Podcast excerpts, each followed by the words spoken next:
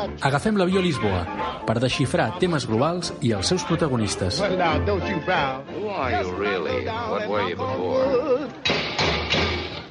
Hola, sóc en Víctor Puig per l'avió a Lisboa, l'espai de política global de Casablanca.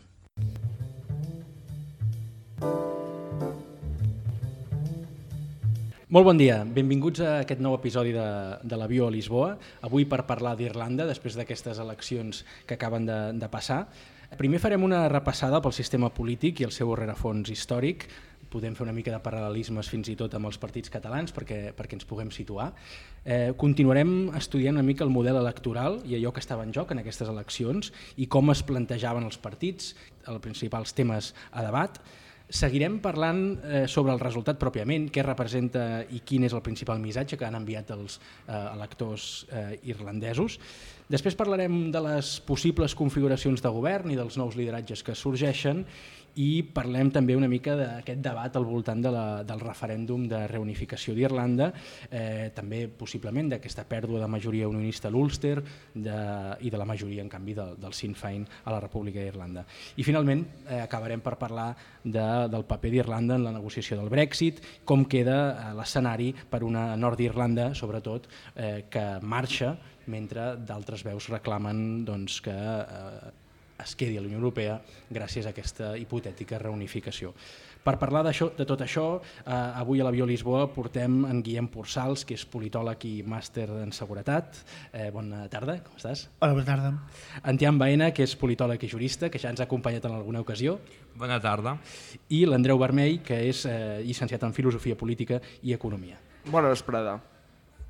Com sabeu, a l'avió Lisboa mirem de portar eh, experts i també mirem de portar doncs, eh, joves promeses de, que a, a través de Twitter demostren un gran coneixement eh, dels temes que, que tractem i en aquest cas tenim eh, tres experts en Irlanda que hi tenen doncs, interès per diversos motius, perquè lògicament com a politòlegs doncs, us interessa, oi? pel conflicte de l'aire en el seu moment i també doncs, perquè en algun cas com l'Andreu que ja ha viscut fins i tot i per tant doncs, ho coneix ho coneix a fons. Eh, si us sembla, fem una, un, jo us volia preguntar, fem una primera repassada perquè la gent se situï quins són els principals partits polítics allà i, i sobretot eh, a mi fa molta gràcia perquè sobretot, els noms que tenen, no? és a dir, el, el, el, els noms que tenen són una mica, podríem dir, estranys. Eh, comencem, Andreu. Quin, quin, com es diuen i per, què, i per què dic això de que són una mica estranys? Um, ens trobem, en, a Irlanda ens trobem que els, els partits, podem trobar com dos tipus de partits aquells que mantenen el nom en irlandès, que diem és una llengua parlada però relativament poc, i aquells que ja han adaptat el seu nom oficial als, a l'anglès. Trobem que els dos principals partits són, són hereus del conflicte d'independència i mantenen el seu nom en irlandès. Són Fine Gael i Fianna Fáil, que Fianna Fáil té la curiositat de que és fail, per tant hi ha algunes bromes al voltant en anglès en aquest sentit com que és que falla, però realment no. Realment Fianna Fáil és el partit que més ha governat Irlanda, que més eleccions ha guanyat, és a dir, eh, ha guanyat des del 1930 fins al 2016 totes les eleccions d'Irlanda. Mhm. -huh. No obstant, no ha aconseguit governar sempre, ja que Fianna Gael governava amb la tercera pota, que era el Labour, que aquest sí que portava, adaptava el nom en anglès. Mhm. -huh. Una tercera pota que en 2016 va patir una crisi important ens trobem en Irlanda que en 2000, la crisi del 2007, entre 2007 i 2011 hi ha uns grans canvis radicals i que el, aquestes eleccions encara s'arrosseguen. Uh mhm. -huh. Però jo us deia el, el, el, el tema aquest dels noms, perquè Fine, Fine Gael, si no m'equivoco, vol dir tribu dels irlandesos, sí. correcte? I l'altre vol dir eh, guerrers, del destí. Sí, guerrers del destí. destí. Guerrers del destí. Home, és curiós, no? Si més no. Llavors, eh, per què aquestes eleccions hi ha hagut aquest terratrèmol polític? Ja, Tian, per què el Sinn Féin de sobte doncs, eh, passa de ser un tercer partit que no tenia força i de sobte eh, doncs és primera força. Què ha passat? Jo crec que en part ha estat un desig també de canvi que tenia la societat irlandesa perquè hem de tenir en compte que Irlanda eh, bueno, va patir la crisi econòmica del 2008, el seu sistema bancari literalment va explotar i després van haver de fer front a una sèrie de mesures d'austeritat molt intenses. No? I jo crec que hi ha hagut com una mala campanya tant per part del Fianna Fáil com del Fine Gael que s'han unit ells dos com en una mena de nosaltres o ells, que seria el Sinn Féin. I aleshores això alimenta com una mena de polarització que ha provocat que el Sinn Féin hagi encarnat com una mena d'esperit de canvi que una part considerable de la societat irlandesa doncs, desitjava en si mateix. Uh -huh. Perquè, Guillem, perquè, perquè ens acabem de situar una mica, eh, podríem dir que el, el, el Fine Gael seria com una espècie de... És a dir, els dos principals partits són el Fine Gael i el Fine Gael. Uh -huh. Un seria demòcrata-cristians, vindria a ser una espècie d'unió de, democràtica, tot i que molta més representació sí. que la que tenia aquí en l'autonomisme, i l'altre seria una espècie de convergència, és a dir, més liberal, en el Partit Liberal Europeu, i per tant els dos grans partits eh, són partits centristes més aviat tirant cap a la dreta i són els que s'han repartit el pastís. És així? Sí, és, és el que veiem en el cas irlandès, veiem que la, tant la primera com la segona força del país fins ara eren dues forces de dretes, que la principal diferència que tenien no era l'assumpte dels valors cristians o catòlics, perquè tots dos són abanderats d'aquests valors, tot i les diferents interpretacions que es fan, sinó l'assumpte ens hem de remuntar al conflicte irlandès i, per dir-ho així, l'aixecament de Pasqua i tot aquí assumpte de la independència d'Irlanda. És a dir, veiem com el FG o el Fine Gael és un gran defensor del que va ser el Tractat de Pau anglo-irlandès, defensa que l'Ulster formi part del Regne Unit, defensa que no hi hagi cap mena de posicionament a favor d'unir Irlanda i per l'altra banda tenim el Fianna Fáil que defensa eh, una Irlanda unida, una Irlanda republicana i des de, per dir des de la seva fundació està en contra del Tractat de Pau anglo-irlandès. No tant en un sentit de que no vol la pau, sinó que troben que la principal via per obtenir la pau a Irlanda va ser eh, una Irlanda unida. De fet, el propi Eamon de Valera, que assassineix el Sinn Féin en el moment del tractat, diu que la principal proposta de pau per Irlanda no és dividir Irlanda, sinó mantenir-la unida, perquè dividir els irlandesos acabaria generant un conflicte, i aquest conflicte és el que es va quedar amb els acords de divendres sant a, a finals del segle XX. Uh -huh. Per tant, tenim dos grans partits de centre-dreta que s'han anat eh, repartint el poder, un més moderat des del punt de vista nacional irlandès i un altre, més reivindicatiu, més favorable a la reunificació de, del país. I ara ens trobem que doncs, eh, el que podria ser l'equivalent d'Esquerra Republicana, eh, salvant molt les distàncies, doncs és el que ha quedat eh, en primera posició. Eh, jo et volia preguntar, Andreu, explica'ns una mica com funciona el, el sistema electoral. Ja tu has estudiat, ho estàs estudiant, de fet, estàs analitzant això. Eh, és, és similar a l'americà, similar a l'anglès? Quines particularitats té? El sistema irlandès té la peculiaritat de... A veure, es considera proporcional, però no és llistes tancades com les, les coneixem a Catalunya o les coneixem a nivell Espanya, sinó és com una llista a circunscripcions petites de 3, 4, 5 persones, com a molt, 5 escons, i que el votant ha d'ordenar els, els candidats. És com, primer, a mi m'agrada de número 1, mm, no sé, Mary Lou McDonald, la líder de Sinn Féin i de número 2 vull el candidat dels verds. Doncs serà que els votants ordenen els candidats fins a quan fins al nombre que ells vulguin. Si volen tots, tots. Si volen només dos, dos. Uh -huh. I quan el candidat que eh, aquest candidat eh, és eliminat perquè és menys votat o eh, ha obtès eh, els vots suficients de quota, els vots passen a la segona preferència. D'acord. És com un sistema, és el vot únic transferible i és com una mena d'intentar que els candidats siguin els més volguts per la, pels votants. Uh -huh. Home, és interessant. I, i eh, els grans temes a debat, és a dir, la campanya electoral, eh, sobre què ha centrat? Normalment les campanyes electorals hi ha algú que aconsegueix marcar una agenda mm. i tothom més o menys ha de jugar, no? intentar marcar la seva. Quins han estat els dos o tres temes que els partits han intentat eh, posar sobre l'agenda, Tian? I alhora, quins són els temes que preocupen més als irlandesos? Bueno, Leo Varadkar va convocar les eleccions, precisament les va anticipar, perquè ell volia que el, el principal tema davant fos la gestió del Brexit un cop aquest s'hagués consumat mm -hmm. i quina podia ser la relació amb Irlanda del Nord i tot el tema comercial i el que reflecteixen bàsicament les enquestes posteriors és que el principal tema de debat ha estat sobretot el tema d'habitatge. Irlanda té el problema fonamental de temes de propietat, sobretot per la bombolla especulativa que va viure, que és un tema molt recurrent sobretot a l'economia irlandesa i també tots els temes, per exemple, de serveis públics com la sanitat. Aleshores, el partit del govern va intentar centrar un tema davant, molt concret, que és el Brexit, que en això, en, en teoria, el Fine Gael tenia l'avantatge, però el problema està que la societat irlandesa, quan han anat a votar el frame electoral, han estat altres temes, i que precisament estan els punts en els quals el Sinn Féin ha pogut collar més i, per tant, treure el rèdit que finalment ha tingut. Però quan, dieu, eh, quan dius convoquen les eleccions avançades per intentar treure rèdit del seu paper, del paper del primer ministre, en la negociació del Brexit. Per què? Què havia fet bé el primer ministre? Guillem, si vols. No, és una pregunta complexa que hagi fet bé alguna cosa perquè quan ho reflectim sobre les enquestes o sobre les valoracions que, té, que tenen és una, una, una figura molt criticada. És a dir, primer de tot perquè quan es fa el referèndum es posiciona en contra de sortir de la Unió Europea, no es manté neutral, sinó que pren, sinó que pren part. Després veiem que amb l'assumpte nord-irlandès a diferència del que havia fet el Fianna Fáil o a diferència del que havia fet el Sinn Féin, de dir, no, no, una vegada això hem de treballar per una Irlanda Unida, hem de treballar perquè hi hagi les menys barreres possibles. La posició que va tenir ell com a primer ministre va ser, no, no, hem, nosaltres som territori europeu, per tant les fronteres les fixarà la Unió Europea. Per tant, tot, tot, tot, tot, tot un seguit de coses que sembla com si el paper d'Irlanda respecte al Brexit fos bàsicament el mateix que tingués la, la Unió Europea, i com si no tingués un paper propi a dir o un rol propi a comentar, sinó senzillament com una espècie de satrapia europea o una cosa així. Uh -huh. Per tant, el fet de que s'hagi aconseguit canviar el marc és veritat, de fet, si analitzem els discursos, veiem que el principal tema, primer de tot, com deia el Tian, va ser el tema del Brexit, i de cop i volta el tema va, va, va canviar polítiques socials, polítiques d'habitatge, baixades d'impostos, que és un assumpte que el FNFL i el Sinn Féin poden tenir diferents records, perquè tots dos aposten per estabilitzar les polítiques fiscals, i veiem com el paper de Baratcar ha sigut molt criticat i realment és, és possible que és el que l'hagi enfonsat, el fet de no defensar el paper d'Irlanda com un estat, sinó com una part d'una Unió Europea que ningú sap ben bé quin paper defensava.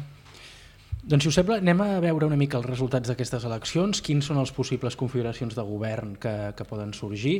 Eh, les negociacions encara poden durar setmanes, fins i tot mesos, inclús podria passar que no hi hagués cap acord i hi haguessin unes noves eleccions, però ara mateix eh, quina possibilitat hi ha, Andreu, de que els dos grans partits dels que parlàvem, aquesta, aquests dos centristes més tirant a la dreta, s'ajuntin? Són massa antagònics? Són els rivals històrics? És possible un govern entre aquests dos? O estem veient en coalicions on el Sinn Féin, que és qui ha guanyat, lògicament hauria de tenir això. Quina possibilitat hi ha de tot això? A veure, ens trobem en la situació en què, és veritat, Sinn Féin ha guanyat les eleccions, no ha guanyat en diputats per un, però ha guanyat les eleccions. I ens trobem que realment no pot governar. No pot governar si manté el seu discurs de canvi, ja que per governar necessitaria a Fine Gael o, o Fianna Fáil. Uh -huh. És a dir, es necessitaria un dels dos partits històrics perquè dels eh, 80 que té, aquesta coalició d'Esquerra crec que n'aconseguiria uns 50.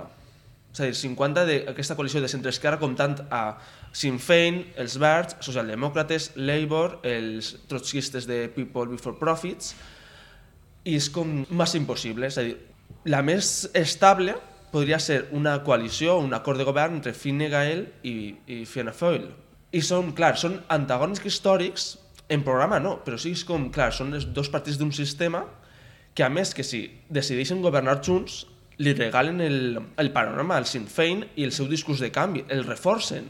Llavors estem en una situació molt complexa, a més són candidats independents que no compten, que no tenen, són de cap partit, en són destacats, són d'àneu, i que són decisoris a l'hora de, també d'orientar les decisions de la coalició, dels acords. Aleshores és com una situació molt complexa i que entre els vetos creuats no sé com, no sé com acabarà. Mm -hmm. Això és una mica, em sona eh, una mica com aquell joc de TV3, no? el 6 a tradició, perquè aquí hi ha algú que de, dels dos antagònics de centre-dreta que haurà de pactar amb, amb l'esquerra, eh, perquè junts no poden pactar, perquè si no segurament els poders fàctics econòmics estarien en contra per no regalar en el futur doncs, tot, a, tot el govern a l'esquerra i, i per tant és a veure qui cedeix, qui s'atreveix a anar a governar i a més a més com a soci minoritari entenc que seria així no? abans hem fet el paral·lelisme entre el que seria la Unió Democràtica antiga i la Convergència antiga quin dels dos tenen més opcions d'acabar governant amb Esquerra? Ai, és a dir, amb el, amb el Sinn Féin. Tian. Suposo que, aviam, si hauria d'haver una coalició en teoria, entenc que el que seria més compatible amb el Sinn Féin probablement fos el Fayana Foil, uh -huh. pel tema que Fine Gael és més a dretes econòmicament parlant, és aquest missatge d'estabilitat, nosaltres vam treure el país de la crisi el 2011, etc etc. El que passa és que ni en el propi Fayana Foil tenen consens. De fet, ara estan sortint declaracions i s'estan discutint entre ells amb el líder, el Michael Martin, de si el propi partit autoritza obrir de negociacions amb el Sinn Féin o no, que en teoria la seva posició és que no, per tant, mm, encara la cosa està molt verda. Una altra possibilitat seria repetir la fórmula com el que van fer en el 2016, que el Finaguel va governar, eh, també amb el suport d'independents, i el Fayana Foil ho va autoritzar amb un acord de confiança. En plan, de, li autoritza la investidura, la votació de les principals lleis, com els, per exemple els pressupostos, i seria una manera de governar el país de forma molt precària, perquè no arribaria a la majoria absoluta, però seria una manera de sortejar el problema de Sinn Féin. Uh -huh. Jo, eh, Guillem, et volia preguntar, perquè Irlanda és un país eh, on l'Església Catòlica eh, té, un, té un pes encara eh, molt superior al que estem acostumats en els països europeus eh, que per una qüestió de modernitat i de secularització eh, progressiva eh, doncs el paper de l'Església ha anat, ha anat sent cada vegada menor. No? En el cas d'Irlanda no és tan així, però en canvi veiem com algunes d'aquestes lleis més mm, eh, suposadament progressistes sobre, sobre, per exemple, el matrimoni homosexual eh, s'han aprovat justament amb governs de centre-dreta. És així? Sí, sí, completament. El paper que té la- l'Església irlandesa, l'Església Catòlica irlandesa, bàsicament actua també com un factor cohesionador del país. És a dir, no és tant un actor moralista o religiós, etc, sinó és un, és un actor que consciencia la, la pròpia identitat irlandesa. Uh -huh. Hi ha molta gent que es pot definir com irlandès pel simple fet de, ser- de ser catòlic i també veiem com el paper de l'Església Irlanda és un paper troncal, no en el moment de fixar polítiques, que sí que en alguns moments han- s'han posat en contra del propi govern amb diferents motius i per això s'han han fet les vies del referèndum per tal d'evitar diferents polèmiques. Per exemple amb el tema de l'avortament i del matrimoni homosexual que crec que es va aprovar per referèndum. Oi que sí? sí? Es va aprovar per referèndum? Uh -huh. llavors clar, és és la manera que tenen els governs de dretes de sortejar el, el propi paper de l'Església. Hi han hagut bàsicament a través de les polítiques de referèndum o a través de treure responsabilitat de sobre. Bueno, jo voldria dir és que ens trobem que, clar, l'Església Catòlica històricament en Irlanda ha tingut molt de poder, tant que, clar, els referèndums que, està, de què parla en Guillem Bursals es feien perquè calia una reforma constitucional. Sí. Calia una reforma sí. constitucional per dir, tra- eh, fer una fórmula neutra de que el matrimoni no és només entre homes i dones, igual que l'avortament, dels, eh, la vida dels no nascuts. Uh -huh. Aleshores, és com, en aquest sentit, els referèndums també anaven per aquesta necessitat eh, de reforma constitucional de, per tal de fer aquestes lle noves lleis, aquestes noves polítiques progressistes i més en, en contra de l'Església. De fet, Irlanda, durant el govern de De Valera, es va convertir en una espècie de règim nacional catòlic. És a dir, veiem que hi ha una Irlanda com parada en el temps, durant molts anys, gairebé 20 anys crec que va governar, Sí.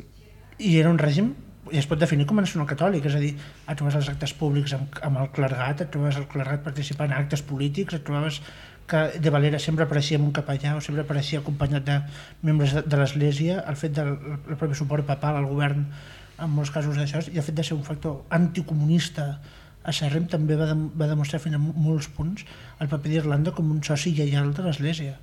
De fet, li deien que era el Vaticà, el Vaticà de l'Atlàntic pel paper que, que tenia l'Església Catòlica. Llavors, quan, quan desapareix el govern de De Valera, quan desapareix el, fin, el Fianna Fáil de De Valera i tot, i, i tot allò, el propi partit també s'obre a la societat en si, és a dir, deixa de ser un partit tan eclesiàstic, tan a favor dels interessos de l'Església, perquè arriba un punt que el partit era el partit de l'Església, el partit del clero, i per tant ara es mostra molt més obert amb alguns assumptes. I el fet d'evitar confrontacions amb el clero de dir no, no, nosaltres no ho fem, eh? nosaltres posem a disposició de la ciutadania que la ciutadania voti. Això també és molt important.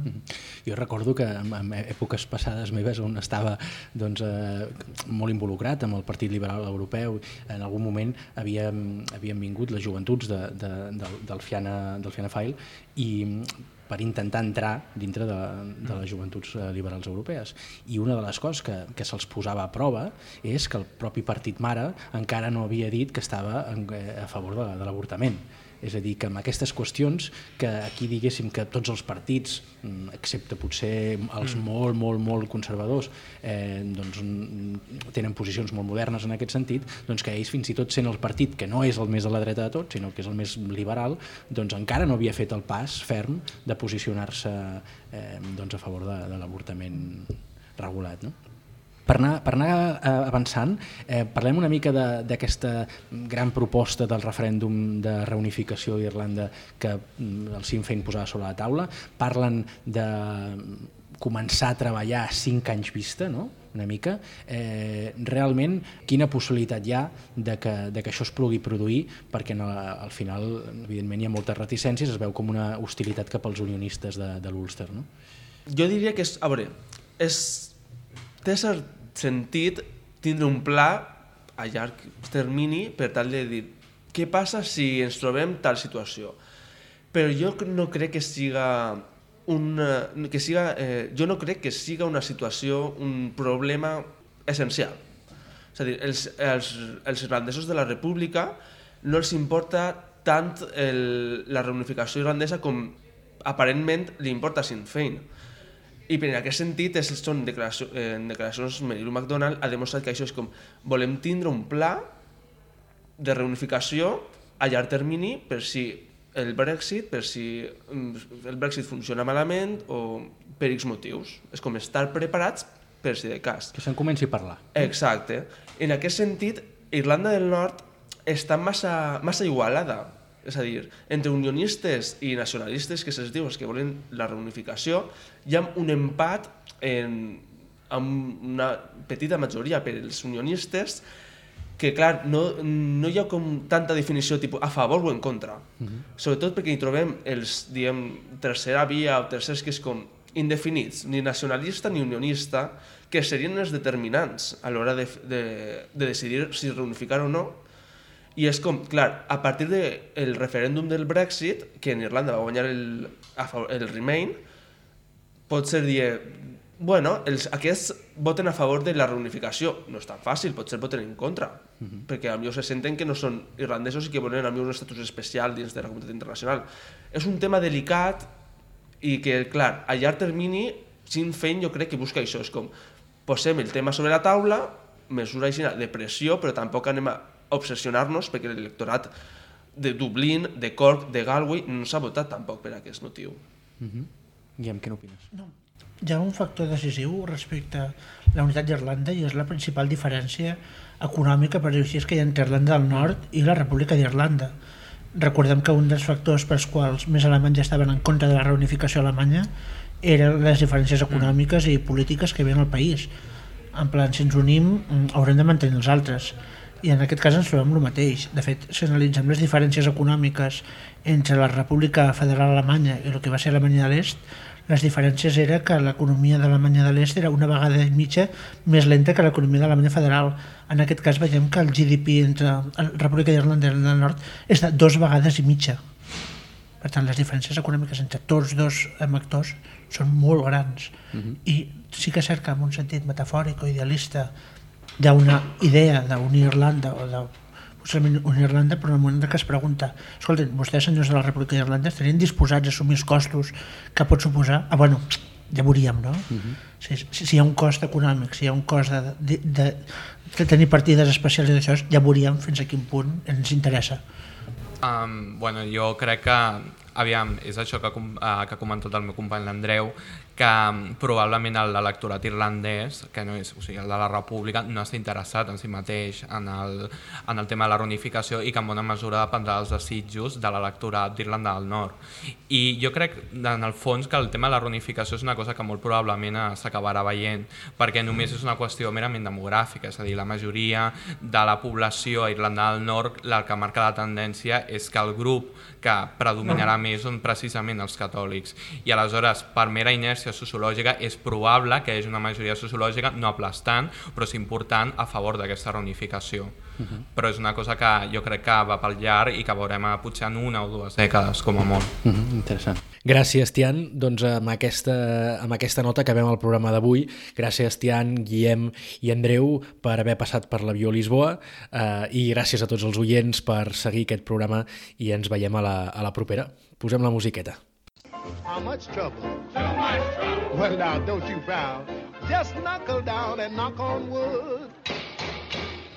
Who's unhappy?